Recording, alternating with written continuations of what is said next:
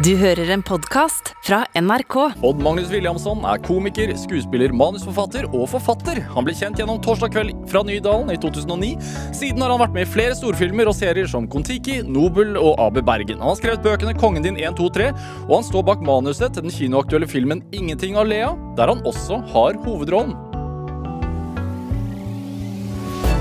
Dette er Drivkraft med Vegard Larsen i NRK P2. Odd Magnus Williamson, velkommen til Drivkraft. Hjertelig, hjertelig, hjertelig hjertelig takk. Jeg ble, må si ære, ære å bli spurt, ære å bli invitert. Veldig, føler, føler meg beæret over å sitte her. Det, det, det er å ha deg her også. Ja. Hvordan, hvordan har helgen vært? Helgen har vært uh, Altså, det har jo vært eh, voldsomt. Vi hadde premiere på onsdag. Uh, veldig, veldig mye kule tilbakemeldinger og veldig gøy. Så det er, jeg har litt den samme følelsen som jeg hadde etter bryllupet mitt. Det var så mye inntrykk jeg ikke kunne, som jeg liksom ikke kunne forutse. Jeg visste jo på en måte hva jeg gikk til. Jeg har vært på filmpremiere før, jeg har vært i bryllup før, men så er det noe med å være i sentrum av det som var veldig, veldig kult. Veldig mye eh, følelser i sving. Og Akkurat nå så er jeg back to reality. Vi våkna opp i dag tidlig, barna skulle i barnehagen, fullt kaos, hvor er gummistøvlene, grøtsøl overalt. Så nå er jeg liksom er tilbake igjen. Litt sånn bluesy over at det lille eventyret føles litt over, men også litt sånn deilig å være tilbake i, eh, i åtte til fire, ass. Du har fått gode anmeldelser, da. Filmen har fått gode anmeldelser. Mm. Eh, god premiere. Hvor lett Altså, er det en lettelse? Kunne du Ja. kunne vært skikkelig blåmandag i dag? Ja, liksom? det kunne vært skikkelig. Det verste med et sånt game som det der er det at du er, øh, du er avhengig av å få selvfølgelig gode anmeldelser hvis det skal gå bra. Men det som, er, det, det som jeg har vært med på mange ganger før, for det har jo vært i prosjekter som ikke har gått bra også, og da er det det at du har en premiere, og så får du en øh, vurdering, og så skal du gjøre ganske mye promo etterpå. Altså sitte sånn på God morgen Norge eller her med deg og gjøre liksom de intervjuene etterpå. Og det er ikke så gøy når du har fått en ener eller toer og sitter og føler at hele verden hater deg, og at du er uh, ubrukelig. Så det er, uh, det, det, er, litt gøyere å sitte og snakke med vår staude når det er øh, god stemning, ass. Hvordan, hvordan kommer man opp på hesten igjen? Altså, hvorfor, hvorfor orker man hvis man får en på trynet? Um, det Ja, det, det, det veit jeg ikke. Men det er eh, av en eller annen merkelig årsak så har jeg kommet meg opp på den hesten noen ganger etter ganske mange trøkker og sånt nå. Eh, Jeg veit ikke. Jeg tror kanskje det har litt å si med at jeg ikke er så dvelende. Jeg dveler ikke så mye i nedturer, og heller ikke i oppturer. Det er liksom Men jeg føler liksom at karrieren din er sånn Ikke at det er så mange trøkker, jeg føler at det er en sånn oppadgående pil hele veien. Ja, det har jo vært mye bra ting, men det har jo også vært eh, er jo liksom, Man må ikke glemme det, f.eks. den filmen som har vært nå. Det, er, det, er, det har vært mye bra anmeldelser, men det er noen som syns den ikke er bra også, liksom. Og så prøver man jo liksom da å bare maskere over de dårlige anmeldelsene, og ikke, ikke at, at folk ikke skal se de. Og, eh, men, så, så det er en sånn derre Jeg veit ikke, jeg føler liksom litt at jeg er eh, At jeg er litt elsk-hat-type. Ikke hat, men Eh, at noen syns det jeg gjør er veldig fint, og noen syns det er ganske sånn «Æh, Liker det ikke det hele tatt. Eh, og det er jo Det gir meg litt glede også. At jeg, jeg føler at jeg lager ting som er en tydelig signatur, og som ikke nødvendigvis er for alle, men for de som liker det, så liker de det kjempegodt. Så det, er, eh, det gir meg glede, da. Bedre å bli mislikt enn eh, over, oversett. Ja, Likegyldighet er det sånn det er Heller terningkast eh, to enn terningkast tre, egentlig. At det er en sånn, da har du, hvis, sånn, De gangene vi har fått terningkast to eller én for ting, så er det ofte fordi folk virkelig misliker ideen. Og det er greit. Det, det, det er helt sånn greit. Da har jeg tenkt sånn, ja, nå har jeg prøvd å gjøre noe som ikke er eh, flymat. i hvert fall. Men så få sånn, der, sånn likegyldighet. At det er sånn, ja, men dette var vel helt greit. Og, sånt, og da, da, har jeg, da, har jeg, da har jeg føler jeg at jeg, da er jeg mislykka. Men er det ekstra eh, Legger du deg liksom ekstra til på hoggestabben siden du har skrevet manus også? Ja, gjør det. Det er et gutseprosjekt, dette her. Eh, Er det personlig? Ja, absolutt. Det blir jo det. Det er sånn øh, Vet ikke. øh, Jeg, alle anmeldelser og tilbakemelding går inn på meg personlig. Fordi det er, om det så er komikk med barter og hatter og neser, eller om det er mer seriøst drama, som de tingene er, eller, en, eller en, å stå på en standup-scene og lire av seg noen observasjoner, så er det uansett hvordan du vrir og vender på det, så kommer det innenfra fra personlige erfaringer eller eh, observasjoner som du så forsøker å liksom forme til et eller annet. da. Så når folk kommer og sier at øh, 'dette syns jeg ikke var morsomt', eller det her var, øh, 'dette var kjedelig', sånt, og så sier de, eller jeg tar det i hvert fall indirekte som at jeg er kjedelig, eller det, jeg er ikke morsom. Så det går eh, Jeg tar det personlig, men jeg tar det ikke nødvendigvis Jeg lar det ikke, Du har ikke vippet meg av pinnen, i hvert fall. Det har jeg ikke. Det er, altså, filmen kort oppsummert eh, handler om en eh, meget suksessrik standup-komiker. eh, som sakte, men sikkert ser at karrieren går nedover. Eh, går fra å være stjerna på showet til å måtte varme opp. Eh, bli dumpa av kjæresten og få vite at han har kreft. Det skjer ganske sånn i løpet av filmens første fem minutter, nesten. Ja. Og derfra går det bare nedover, siden. Nei. ja, det er eh, Nei, ja, det er eh, og, og, og det føler jeg jo er mitt mareritt. Ikke nødvendigvis det å, å Altså sykdommen, men det å Som jeg kjente på da, da jeg skrev den filmen her i 2015, så kom jo det ut av en litt midtlivskrise, hvor jeg følte at jeg hadde begynt å gå litt på tomgang som komiker. da, Hadde jo holdt på, holdt på med komiker i, som det i mange år, og så begynte jeg liksom at, eh, begynte å glippe litt. begynte å, Satt ikke liksom like eh, Traff ikke så, hadde ikke så høy frekvens på det jeg selv syntes var, sånn, var bra. Hvorfor det, tror du? Fordi komikere er som ballettdansere. De går ut på dato. Du begynner å, eh, du begynner å glippe litt din eh, egen samtid når du mm, begynner å komme opp i midten av 30-åra, har etablert deg, kanskje fått noen barn og møtt liksom, kjærligheten og, sånt noe. Det å, å være oppdatert på populærkultur og hva som skjer i samtiden, er ikke, liksom, det er ikke prioritering nummer én, som du ofte er i 20-årene i hvert fall. Og med en gang du faller av det, så faller du litt av komikken også. Du begynner å lagge litt, begynner å komme akkurat litt bakpå, samtidig som du kanskje da gjerne vil henge med. Så du blir litt sånn strebete og patetisk i forsøket på å uh, med i eh, da. Og så, blir, så begynner du fort å, istedenfor å forsøke å fornye deg, så begynner du å, å bare gjenta ting som du veit funker. Og da begynner du sakte, men sikkert å miste grepet. Og det merka jeg litt selv at det skjedde. Og så fikk jeg kicken. Fem år siden? 36 år, da? Nei. Ja, 35, 2015. Ja. Så fikk jeg, og da fikk jeg også Fikk jeg ikke fornyet kontrakt hos TV Norge, jeg jobba som komiker. Og da fikk jeg en sånn pang! Nå er jeg ferdig. Og da eh, satte i gang ei lita krise. Litt av starten på ei lita midtlivskrise. Eller som det som kunne blitt en stor krise. Men som uh, jeg greide å komme meg, meg eh, ut av. For, med å egentlig skrive den filmen her. Da. Jeg skrev meg litt ut av det. Når, når er man på topp sånn aldersmessig i komikerverdenen? 27, 28, 29, kanskje? Rundt da. Jeg vet ikke hva Herman Flesvig er nå. Er ikke han, Ja, han er vel noe sånt, ja. 27, 28, 29. Det er da du ofte får den der eksplosive Det bare bang! Der du har fått erfaringen som skal til for å ha Ja, klare å, å se arbeidet ditt utenfra, og du har fått liksom uh, Fått kunnskapen og, og erfaringen og sånt. Og så er du er ofte bare sånn den derre 27-28-alderen ass, er, eh, er magisk. Også, Uredd. ja, uredd.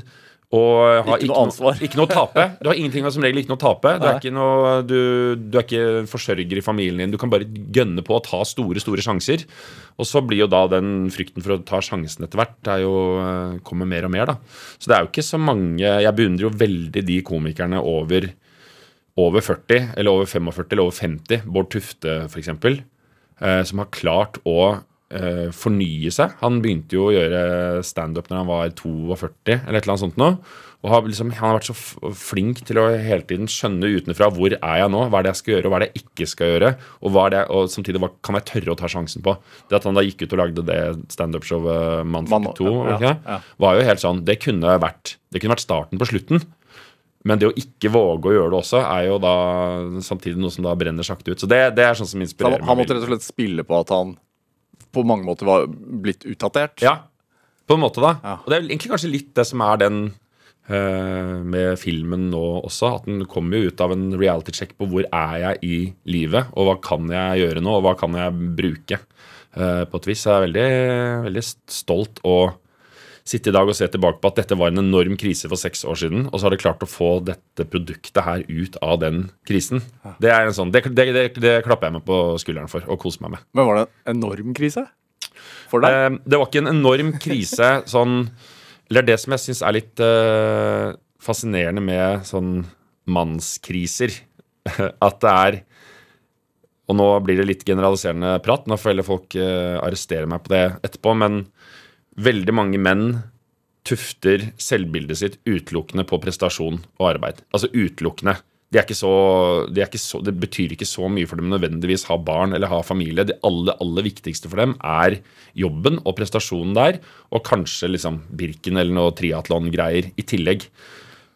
Men, og når da jobben ryker, så ryker veldig mye av grunnlaget for selvbildet også.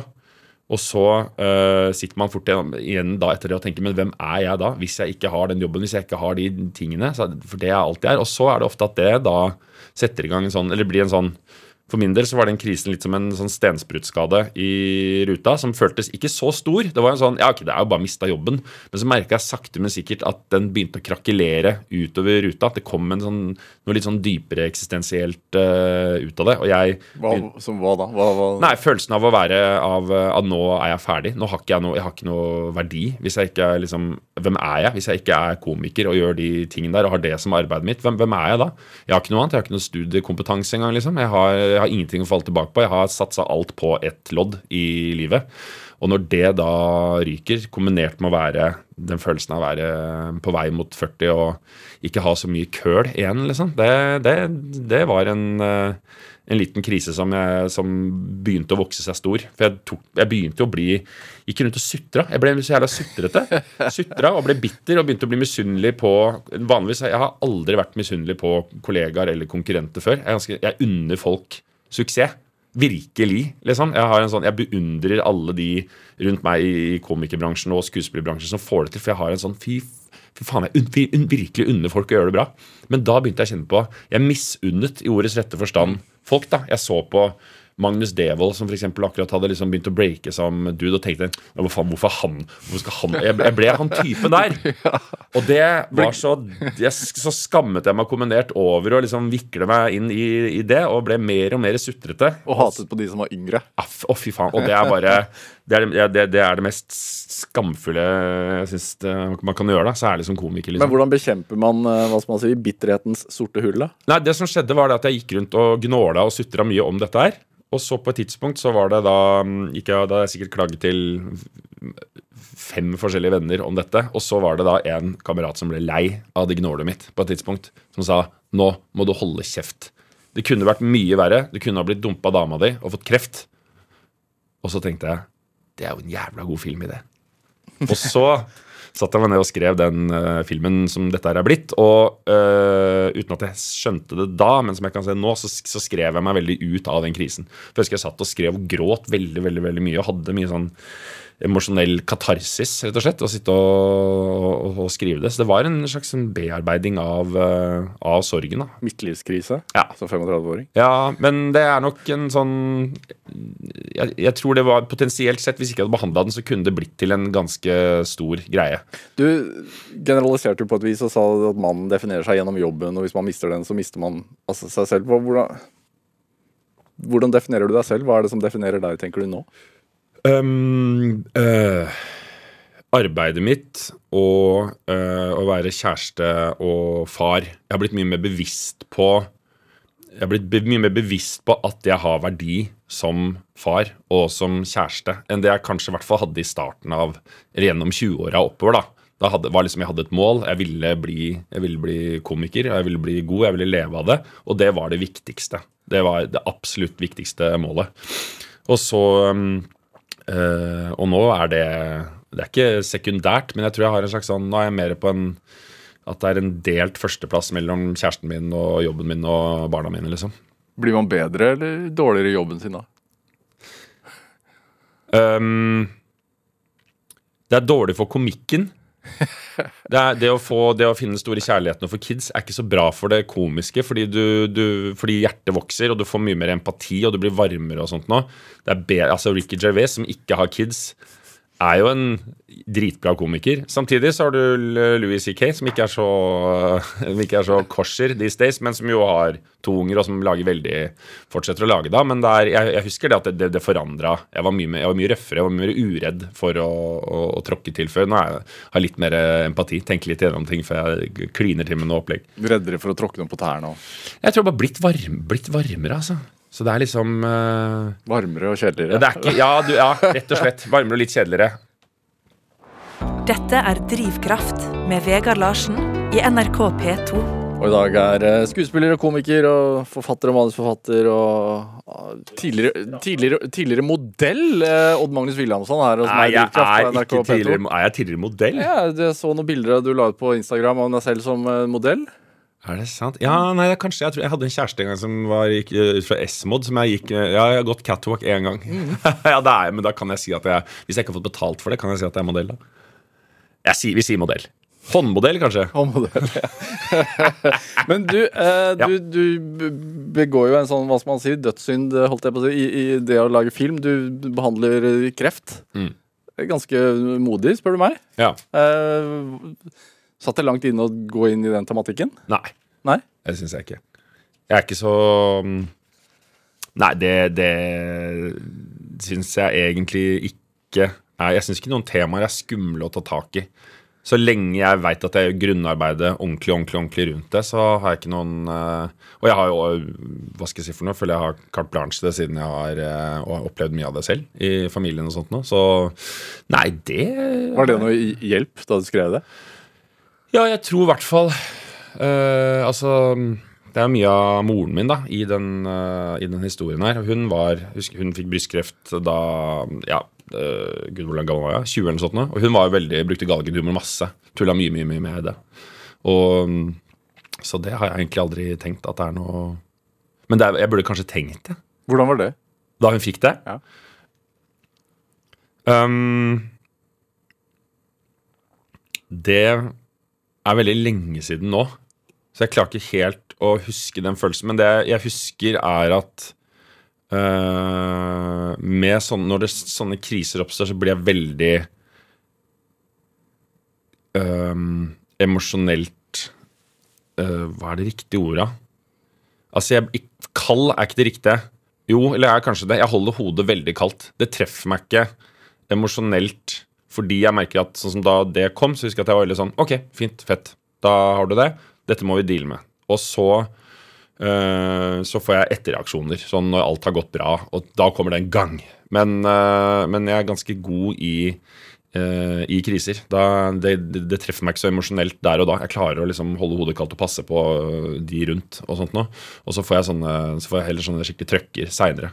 Og så går jeg og da og, går på, så går jeg og ser på filmer og gråter der istedenfor. Hører på musikk. Gråter ut i liksom mer sånn trygge arenaer. Er du veldig blir du, Er du lettrørt? Ja. Jeg er lettrørt i de uh, Holde hodet kaldt, men er lettrørt? Ja, og det er jeg, Dette snakka jeg mye med psykologen min om. For jeg, var, jeg, jeg trodde at jeg var eh, psykopat. Jeg trodde jeg var gæren. Siden jeg ikke Jeg gråter ikke i begravelser. Det, blir, blir ikke så det Begravelse treffer meg liksom ikke. Eller da sånn menneskelige kriser rundt meg treffer meg liksom ikke. Mens jeg da kan sitte på eh, kino eller høre på fantastisk musikk, og bare, det bare renner og renner og renner. Og det eh, Og jeg, jeg trodde jeg var eh, gæren siden det var sånn, men da I hvert fall hun psykologen min sa liksom det at det, det handler om en sånn Um, det er en superstyrke, egentlig, fordi i situasjoner hvor mange folk trenger trøst, så vil du holde, ha evnen til å holde hodet kaldt og være den som trøster og passer på. Og så slipper du ut i trygge soner hvor det ikke er noen som trenger trøst. da På f.eks. Sinosal. Schindlers liste eller eh, et eller annet sånt noe. Så da er jeg veldig lettrørt av uh, ja, musikk og film. Mens det skal mye til i, uh, i liksom de sånn mellommenneskelige relasjonene at jeg blir ordentlig liksom grepet av ting. Ja. Og det plaget deg såpass at du faktisk Jeg trodde det var en defekt. Ja. Uh, så jeg, jeg måtte gå og sjekke det ut. Bare, er, jeg, er jeg gæren, liksom? Er jeg, har jeg, liksom? er jeg emosjonelt avstumpet? Men eh, så bare sånn, nei, nei, det er, du er der for å liksom være den som kan holde hodet kaldt. Da. Så det var, og det merker jeg også. Hvis det er venner eller familie og sånt som har ting oppstår, så kan jeg jeg kan deale med det. Jeg kan være den som liksom dykker inn og forholder meg til det uten å, med ganske sånn uh, uh, Med ro, rett og slett. Ja. Men hva med hvis det er en god nyhet? Blir du kjempeentusiastisk, eller er du flat der òg? Eh, da kan jeg bli veldig entusiastisk. Ja, ja det kan jeg. Hvis folk, eh, ja, hvis folk eh, opplever kule ting rundt meg, så blir jeg veldig, veldig glad på deres vegne. Overdrevent. Ja. Det, altså, det gikk bra med moren din, da, bare for å si det. Det eh, Siden, vi, siden vi nevnte det i historien. Men, Ja, ja. men, eh, men du nevnte det at hun brukte galgenhumor. Mm. Og det, det gjør jo du også. Mm. I, I din komikk, og i, også i denne filmen. Mm. Hva Hvorfor er det så deilig, holdt jeg på å si? Nei, det er rart med det. Det er vel eh, en eller annen eh, smarting som sa at uh, mennesket er det eneste dyret som ler fordi vi vet vi skal dø. Og i de aller mørkeste stunder, når, er, når alt er tapt og alt er bunnløst, så har jeg ofte opplevd da at den, det lille lyset av liksom solskinn som kan bryte litt igjennom, er komikken. At noen klarer å turnere en eller annen ekstremt alvorlig situasjon med en observasjon rundt det, og så bare så er det som det liksom det gir det der, det gir den lille gassen for at man bare skal komme seg litt videre. Og, få, og ikke bare fortsette å synke ned i oljen. da. Som for eksempel, jeg husker ble, som, Ja, der ble, der ble jeg rørt. Jeg husker en, en sånn situasjon som det, hvor, hvor, jeg bare gråt og gråt og gråt, var da eh, rundt 22. juli. Hvor eh, en eller annen av de AUF-overlevende samme dag kommer med utsagnet Aldri før har så mange AUF-ere tatt svømmeknappen på en gang. Det, det for meg er viljen til livet.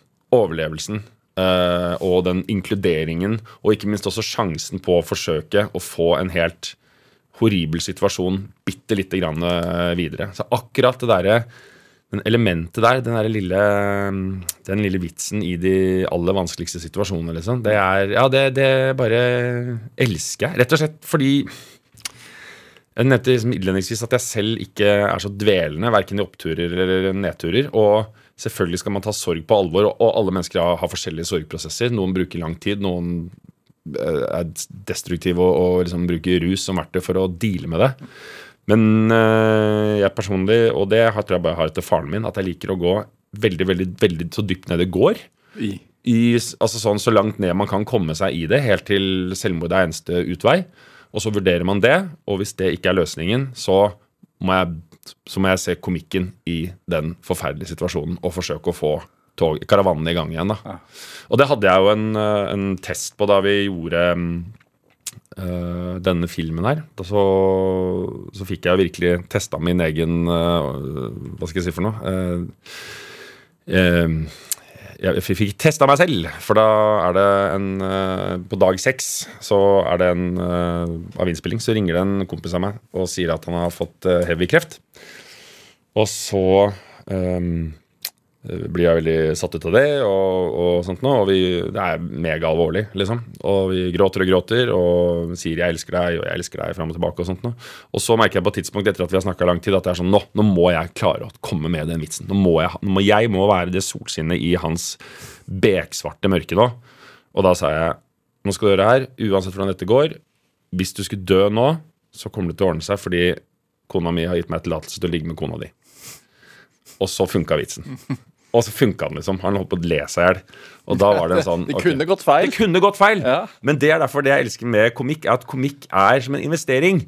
Det kan gå rocket high, og så kan det også gå totalt fall. Du kan ødelegge, du kan gjøre det alt enda verre. Ja. Og det har jeg også opplevd. Forsøk på å lette en eller annen vanskelig situasjon. Som oftest da med, med kona mi, liksom, hvis vi har vært i ting.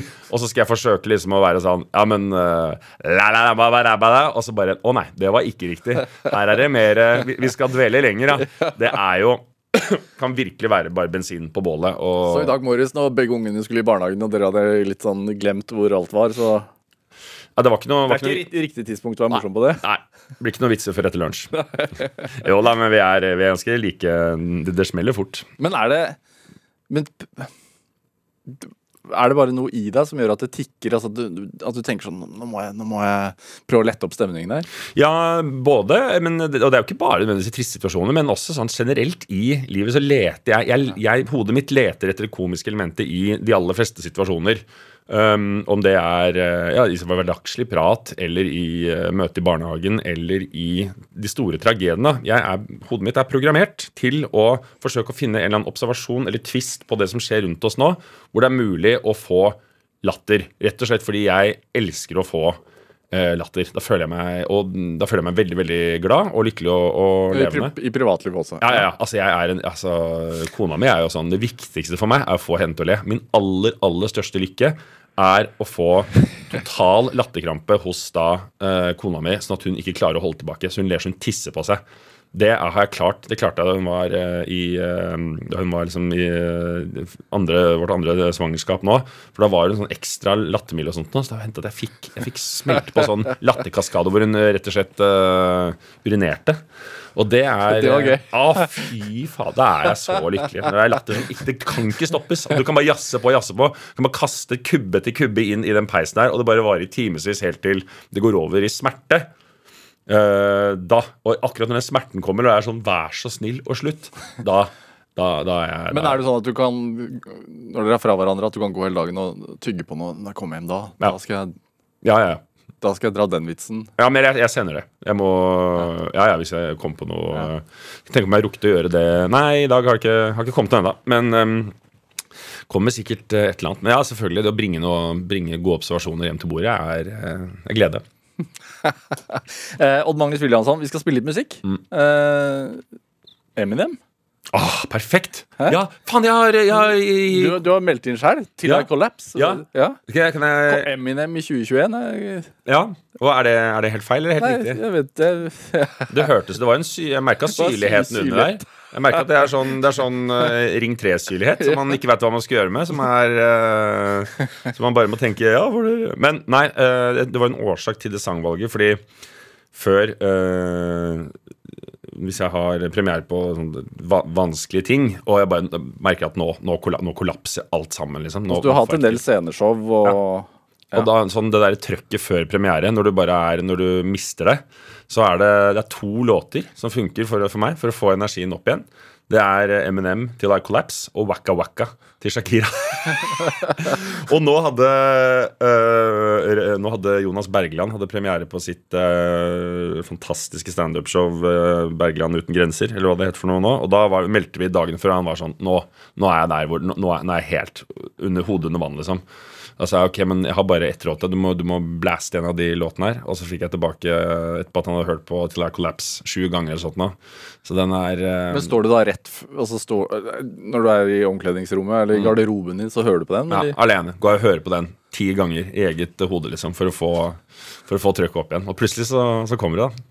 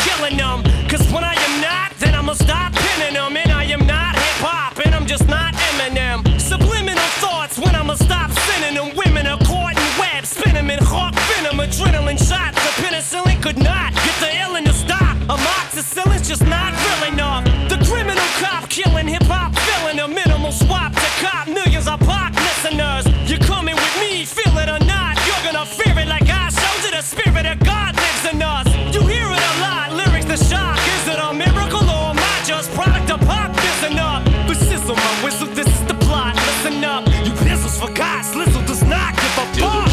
comes off, till the lights go out, till my legs give out. Can't shut my mouth, till the smoke clears out. Am I high? I'ma rip this shit till my bone holla. Till the roof comes off, till the lights go out, till my legs give out. Can't shut my mouth, till the smoke clears out. Am I high?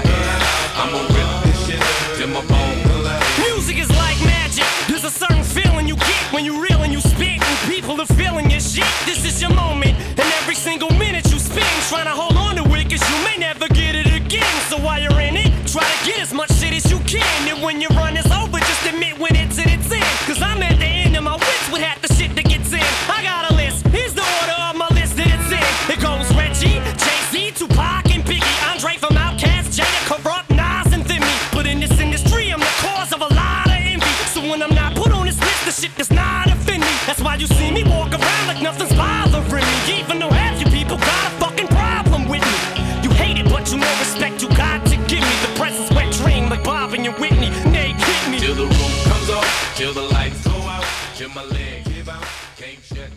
Ja, Du fikk en smakebit av Eminem og Nate Dogs Till I Collapse her i Drivkraft på NRK P2. Valgt av dagens gjest her i Drivkraft, nemlig skuespiller Odd Magnus Williamson.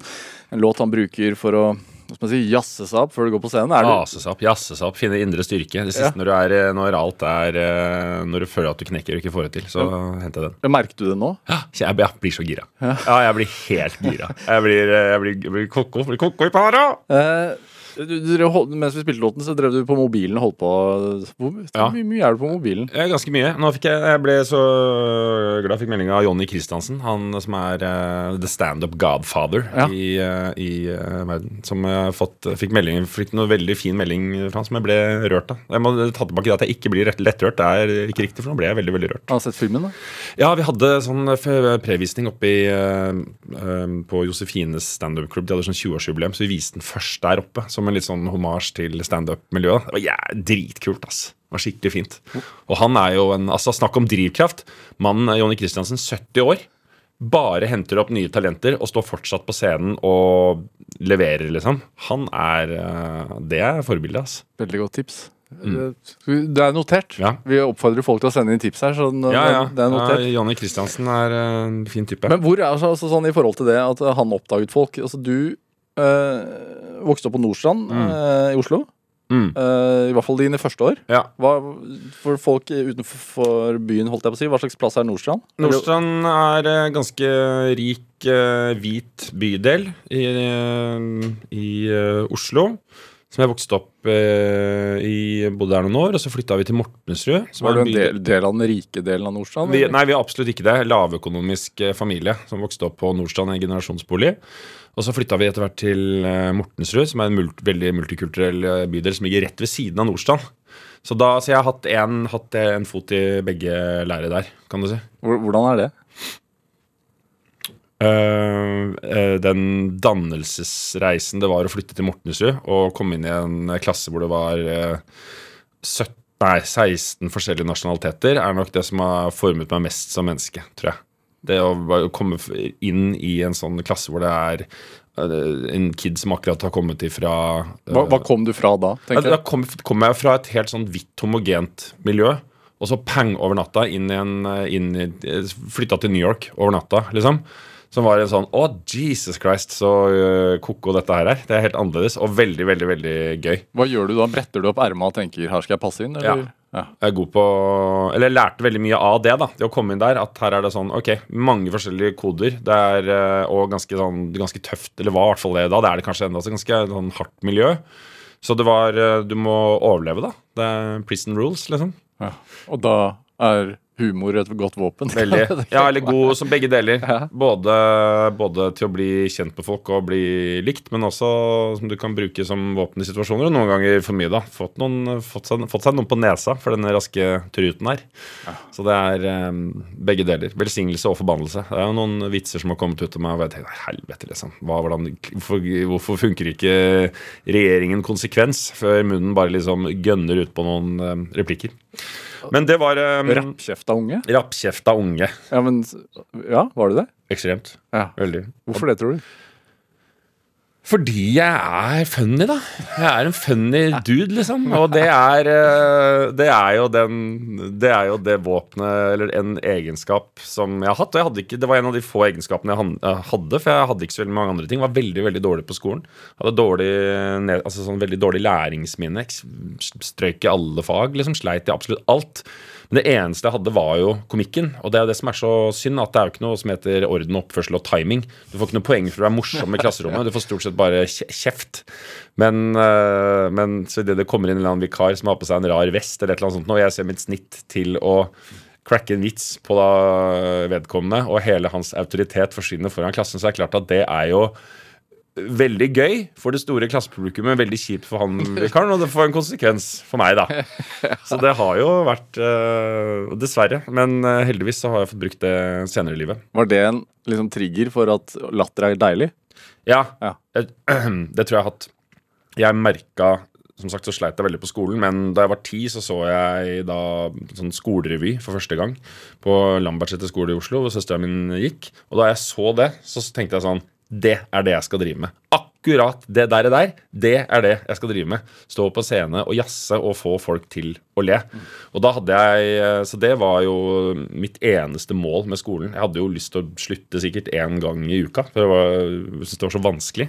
Men jeg tenkte som hvis jeg bare lider meg gjennom og kjemper på og kommer meg gjennom de årene her, så skal jeg få vært med i revyen. Og hvis jeg får vært med i det, så kommer det til å gå bra. Og så begynte jeg på videregående. Eh, søkte på Vær med revy første året. Kom ikke med. Andre året kom ikke med. Tredje året, siste sjanse. Nå er det alt eller ingenting. Kommer ikke med. Og da, da jeg gjør da, da slutta jeg på skolen. Hadde et halvt år igjen. Da tenkte jeg sånn, det er ikke noe vits i. Jeg, det er ikke noe poeng for meg å ha og Nå jeg nå røyk den siste sjansen jeg hadde, liksom. Da er det er det like så greit å slutte. Jeg har ikke noe, det, Den studiekompetansen kom, det, er, det er ikke noe jeg får brukt det til heller. Så jeg slutta, og så Hva, skulle, du- hva tenkte du da? Nei, jeg hadde ikke noe no plans, ass. Jeg bare tenkte det, Da slutta jeg i protest. Da, var jeg, da hadde liksom den lange, lange lange planen min hadde feila. Men så tvang mutter'n meg til å gjøre ferdig videregående, ta året på nytt. Så da tok jeg det på Nordstrand skole året etter. Og der var det jo også skolerevy, og da kom jeg med. Og de som var instruktører på den revyen da, det var Tore Sagen, Steinar Sagen Håvard Lilleheie. Folk som hadde akkurat den humoren som jeg alltid har beundret og sett opp til.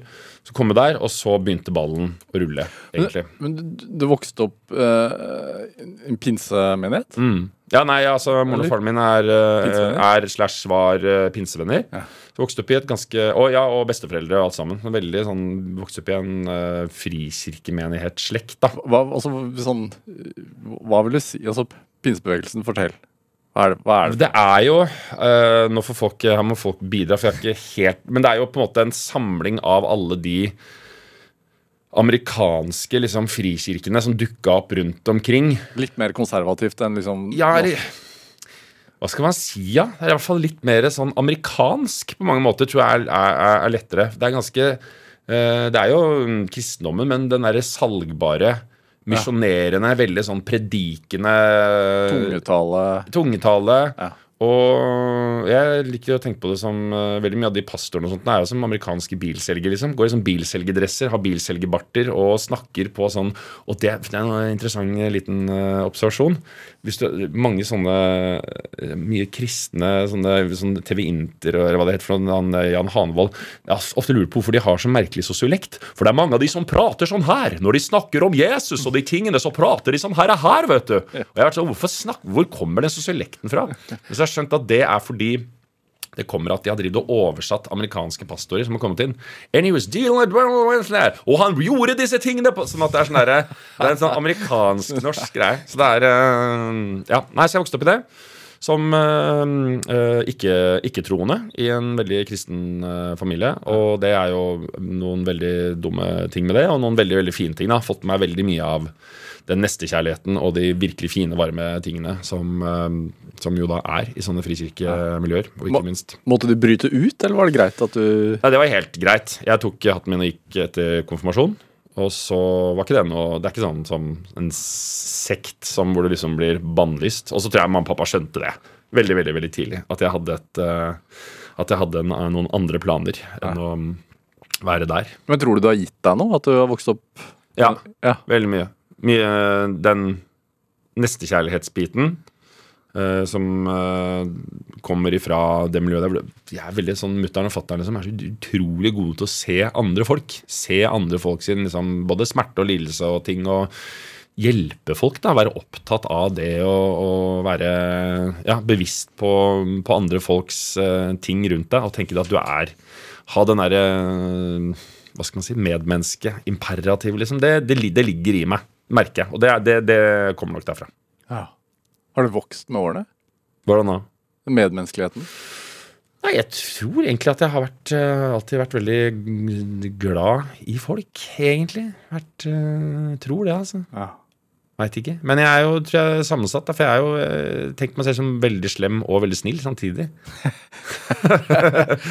Eller så jeg ser på Du, du, har, altså, du, du har virkelig en rød og en hvit på skulderen? Ja, Liksom? det føler jeg at jeg har det. Jeg var, eh, det var jo Jeg husker eh, Jeg var på et tidspunkt jeg tenkte shit, tenk hvis jeg er djevelen. For jeg var Fordi det var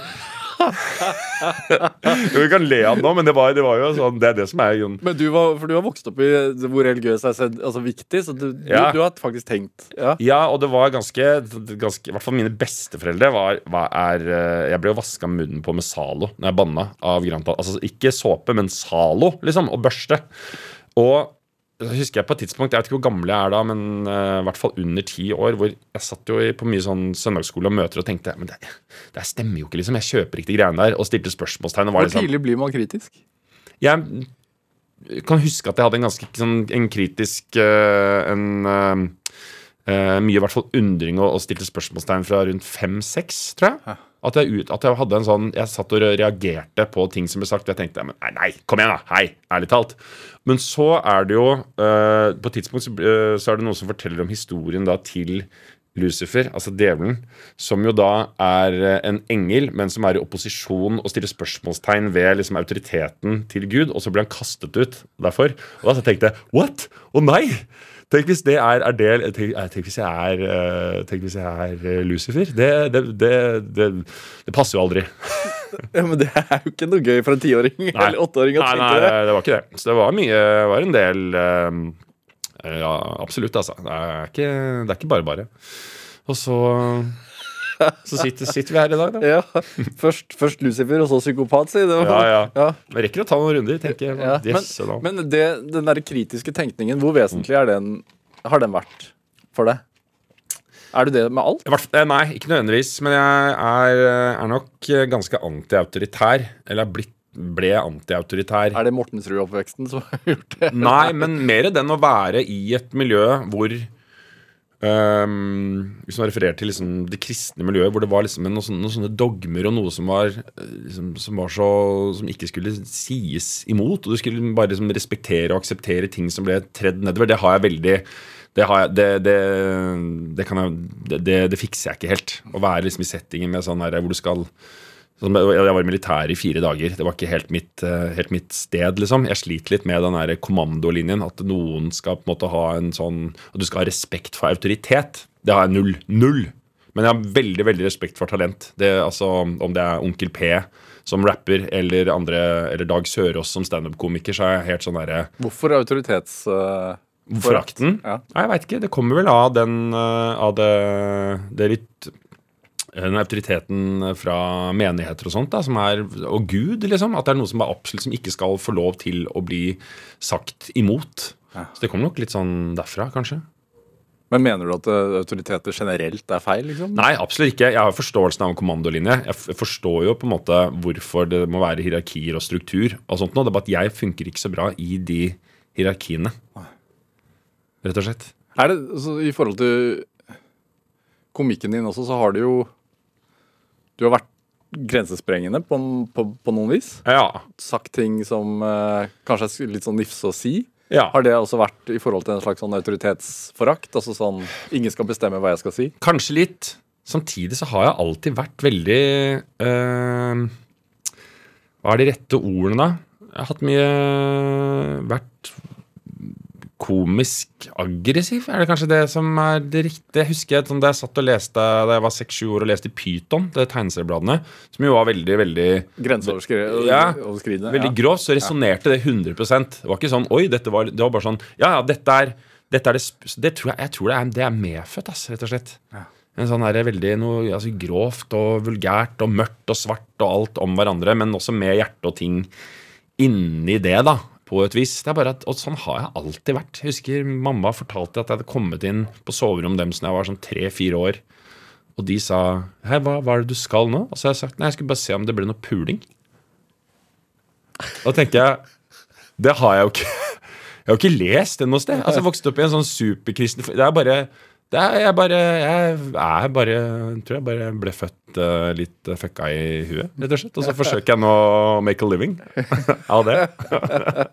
Hva sier moren din når du gjenforteller dette her på luft? Nei, Det tror jeg hun syns er kjempekoselig. Ja. Hvordan er forholdet deres i dag? Veldig, veldig bra.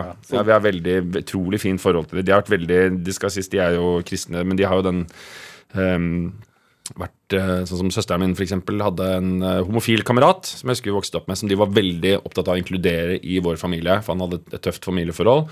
Så de inkluderte han veldig og var veldig opptatt av å liksom, forklare om hvorfor det var så viktig. Så det er jo den den inkluderingen der er, eh, er det jeg beundrer det mest for. De er altså så gode på, liksom, på å inkludere og ja, passe på folk rundt seg. Så vi har veldig kjempegodt forhold og blir jo mer og mer like på et vis. Men vi har også hatt en sånn gjensidig respekt i vår oppvekst at jeg respekterer deres tro, og så respekterer de min kunst. Jeg kan være grenseoverskridende og, og alt mulig sånt nå, som de bare sier det, det gjør du som vi gjør med, og så er det bare noen ting vi vi ikke helt liksom, diskuterer eller pirker i hos hverandre, kanskje. Dette er Drivkraft med Vegard Larsen i NRK P2. Og i dag er eh, komiker og, og, og skuespiller Odd Magnus Williamson her hos meg i Drivkraft på NRK P2. Er det Er det når jeg skal fortelle den ene historien om hvorfor jeg tror jeg er akkurat sånn som jeg er i dag? Eller hadde du et spørsmål som du tenkte dette må jeg stille ham? nå? Ja? Hvorfor du tror du er akkurat sånn som du er i dag? ja. Ja, men- siden, det er sånn, driv, siden det er drivkraft, så jeg tenker på sånn, hva er drivkraften? Hvor kommer drivkraften? Ja, har du tenkt på det? Jeg har tenkt ut. Ja? Men, mens vi har sittet der, eller på forhånd? Nei, på tenkt på forhånd. Ja, hva, hva er det du Jeg er ikke helt der ennå, men du kan Nei, vi nei. kan godt ta det. Nei, vi kan godt vente med det. Nei, vi tar det da. Ok. Um, nei, for jeg satt og tenkte om hva er eh, hvor Fordi jeg har jo Jeg er ganske sta og får til Det jeg bestemmer meg for, det, det får jeg som regel til. Det ligger en eller sånn eh, Og det, og vel, om det tar ti år eller eh, Ja, i det hele tatt. Jeg er, ganske, jeg er flink til å få gjennomført prosjekter som jeg bestemmer meg for å få til. Og så tenkte jeg, hvorfor er jeg Hvor, hvor kommer det fra? Og da er det jo eh, Det er mange som har et, en eller annen opplevelse i barndommen som former det veldig. Og jeg hadde Det er derfor jeg driver og maser om barndom og sånn Ja, ja, ja. Fordi jeg tror på det. Ja. Og det er min sånn øh, er da For jeg bor på Mortensrud, og der er det en slalåmbakke. Og så går jeg på Nordstrand, hvor det er veldig mye rike kids. Og de har sånn super, alle er sånn alpinfamilier som har råd til alt. Og vi har ikke råd til noe særlig. Men akkurat der er det veldig populært å stå på telemarksski. Og jeg ser liksom alle disse snobbebarna som er, sånn, er dritgode til å stå på telemarksski. Jeg tenker det har jeg også lyst til, liksom. Jeg vil kunne det. Og så har ikke vi råd til å kjøpe dyrt telemarksutstyr, men vi klarer å spinke og spare til noen sånn fjellski med stålkanter. Noen sånn tynne langrennsski som er helt ubrukelig å stå på. Det er, det er helt umulig å stå på og lære seg telemark på det. Men det er det jeg får, og det er sånn, uh, dette er det vi har råd til. Det er det take it or leave it. tenker jeg, ok, prøve. Og så går, har, bor vi da ved siden av en sånn liten slalåmbakke, sånn drittbakke på, som heter Leirskallen. Og så går jeg bort der og forsøker å lære meg dette her, og det er, det er helt umulig. Og jeg tryner og faller og tryner og faller i jeg vet ikke hvor mange sesonger hvor jeg bare går dit hver dag og forsøker og forsøker og forsøker og får det ikke til. Og vi har ikke så mye spenn, så vi har ikke råd til heisekort, så jeg må drive og gå opp bakken hele tiden. Er det og, sant? Ja, ja, ja. Og står ned og faller og faller og faller, men bare Hvor, lang, hvor, hvor høyt, hvor, hvor mange meter snakker vi? Nei, men altså sånn, du, kjører, du skal prøve sånne svinger og sånt. Ikke sant? Det er helt umulig, i hvert fall når du gjør det på eh, sånn tynne langrennsski. Ja. Men jeg, er, jeg har bare en sånn Jeg bare jeg, jeg skal klare det, liksom. Jeg skal få det til. Og så på Og gråter og banner og sverter og Men, men gir meg liksom ikke på det. Og så på, på et eller annet tidspunkt så går jeg tenker jeg opp i hodet mitt Så går jeg og visualiserer Så begynner jeg å visualisere sånn Ok, det var hva er det du gjør feil? Hvordan er det du skal få til dette? her? Hvordan er det det må se ut? Så begynner jeg å tenke sånn ordentlig Jeg visualiserer det, da, rett og slett. Og så plutselig får jeg en sånn ah, Sånn må jeg gjøre det. Og så er jeg helt sånn Det er sånn movie scene hvor jeg liksom Jeg går hjem i sakte film, 50 frames, går jeg liksom hjem til meg, henter de tynne, dumme fjellskiene og går bort i den bakken og liksom spenner på med de der korte, lave støvlene som er helt umulig å stå på. Og bare sånn trykker på full fart, og så visualiserer jeg det. Og så klarer jeg å løfte foten og setter den svingen, og så sitter den. Og i det øyeblikket der så tror jeg at jeg får en uh, selvtillit og en forståelse av at jeg kan få til absolutt alt hvis jeg bare holder på lenge nok, og jeg tåler så mye juling, og jeg, jeg veit at jeg kan få til de vanskeligste ting hvis jeg bare aldri, aldri, aldri gir meg. Og det er jo det filmprosjektet her egentlig et sånt resultat av, for det drømmen om å lage spillefilm begynner jo i 2005, altså for 16 år siden. Når jeg går ut av Westerdals, så jeg tenker jeg sånn, ja, det har jeg lyst til å få til. Og så har jeg jo da skrevet Ikke dette manuset nødvendigvis, men altså det å lage din Lage min egen spillefilm. Jeg skriver først ett manus, får det ikke til. Lager et, skriver et nytt et, søker og søker og søker, får det ikke til. Og gjør da manus nummer tre, og også nummer fire, som ikke blir noe av. Og så til slutt skriver jeg dette her, og det blir noe da av etter fem-seks års jobbing med det i tillegg, pluss to koronastopper. Det er ikke måte på. Så det er jo 15 år da, for å forsøke å få til et prosjekt. Og det er noe jeg forsøker å lære barna mine. At ingenting er umulig. Det umulige tar bare veldig lang tid. Så der er Det er min drivkraft. At jeg, jeg gir meg aldri. Hva får du igjen for det, da? Um, ja, det er premiere, og du får gode anmeldelser og sånn, men, det, men, men det må jo være noe annet. Ja, det er jo hele tiden den derre jeg, jeg tenker hele tiden tilbake på den den derre- å få til den svingen på telemarkski. At det er det derre Jeg vet For den følelsen som jeg fikk da, da jeg satt den telemarksvingen på umulige langrennsski i Lærskallen i eh, 1994, liksom. Den følelsen der, er, det er det som er heroinet. Det er det som er kicket. Å klare å få til få realisert et eller annet som er helt klin umulig. Og så får man det til, og jo lengre tid det tar, jo større blir gleden av å sette det. Så da vi fikk, da vi fikk denne filmen her opp å stå, og, eh, jeg, eh, og da det endelig kom Vi fikk noe penger fra NFI, så knakk jeg sammen, liksom. Da kom, da, da hadde jeg fått til. Det var den svingen som jeg hadde satt i da. Så jeg jakter egentlig bare på den, den følelsen der. Og det er eh, at det er eh, jo, jo vanskeligere det er, og jo lengre det fjellet er, er egentlig bare en sånn Det er bare bra. Det må, det, det må være en viss umulighet i det. Er det sånn i andre deler av livet òg, eller er det bare karrieren? Det er bare karrieren, Ja. egentlig. Men jeg har jo hatt noe sånn Jeg har gjort ting for eksempel for Jeg lagde en valentinsgave til kjæresten min til nach i 2014, hvor jeg fikk malt henne på en åtteetasjes bygård. Et 180 kvadratmeters veggportrett på bygården vi bodde i, som, som kom ut av det samme. En sånn idé om at det er en veldig kul gave. Det, det er umulig å få til. Og så tenkte jeg, men la oss allikevel prøve, liksom, og se om vi kan få til. Så jeg får eh, enorm glede av å gjøre vanskelige ting, da. Når du gjør sånn som det, det veggmaleriet av kjæresten din som etter hvert blir kona di, Ja. midt i Oslo sentrum ja. Ikke redd for å ta for mye plass? Nei. Jeg er ikke det. Jeg er, vet du hva jeg er her for å ta plass, jeg. Jeg har hatt en sånn Den derre Jantelov og sånn liker ikke jeg. Jo, jeg er veldig, jeg er veldig glad i jantelov. Veldig, veldig glad i, eh, i veldig, veldig til, vi, vi, Janteloven er, det, den trenger vi så grunnjævlig, liksom. Det er, eh, men, og jeg kan kjenne på min egen indre jantelov innimellom. Uh, men jeg er trygg i mitt eget skinn. Dette er hvem jeg er, han som tar mye plass på den måten. Fordi det har vært så mye Jeg har vokst opp med så veldig mye liksom, Så mye sensur og så mye kjeft og så mye irettesetting ut ifra min egen natur, som er en ekspressiv, voldsom natur. Og blitt, den har blitt sablet ned så mye både liksom i skolevesenet og, og rundt omkring. Så, og det er jo faen heller, dette er meg. Jeg, jeg kan ikke legge beslag på de tingene der. Det er, det er som om altså Ref i filmen så har vi jo da portretterer vi en, eh, en transseksuell som jo på en måte kommer ut av skapet, liksom. Og det at jeg skal Jeg kan ikke legge beslag på den uh, skapegreien der og den oppmerksomhetstingen, fordi det er DNA-et mitt, rett og slett. Så det, nei, det går, det går ikke, og jeg nekter å skamme meg over det. Og det er, eh, Så får folk heller ha ref, Jeg vet i forhold til kunsten at det er, den, er, den er delt, liksom. Noen syns de tingene jeg syns jeg gjør, er fett, og noen syns det er, uh, tar for mye plass, og at det er vulgært, og at det er liksom så som så, og, bla, bla, bla, liksom. Og det er Hvis det er en følelse at den er Det trenger ikke være 50-50 delt, men at det er en viss andel som ikke syns det jeg gjør, er noe særlig, da er jeg på riktig sted. Men er, tok det tid for å være trygg i seg selv, altså sånn i forhold til det? Jeg tror eh, at eh, gjennom møtet med Tinashe, altså kona mi, så fikk jeg på plass veldig mye trygghet og oversikt over hvem jeg er, og hvorfor jeg er som jeg er, og hva som er greit at jeg er, og hva, er, hva jeg ikke trenger å være, på et vis. Hvordan da? Nei, i forhold til å For hun er veldig Hun ser, gjennom, hun ser veldig gjennom alt bullshit mitt.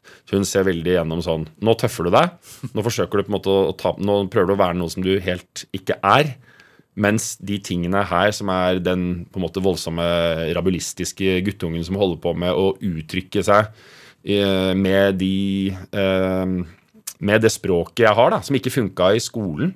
Som ikke liksom, det var ikke noe plass til mitt på en måte formspråk og min komikk og sånt noe i folkeskolen. liksom. Det var bare resultat, resultat, result, resulterte bare i kjeft. Det å få lov til liksom da å kunne ja, øh, leve av det er, er veldig, veldig veldig viktig. Og det verste jeg veit, er øh, å være liksom i, i sammenhenger hvor folk sier du trenger ikke være morsom hele tiden.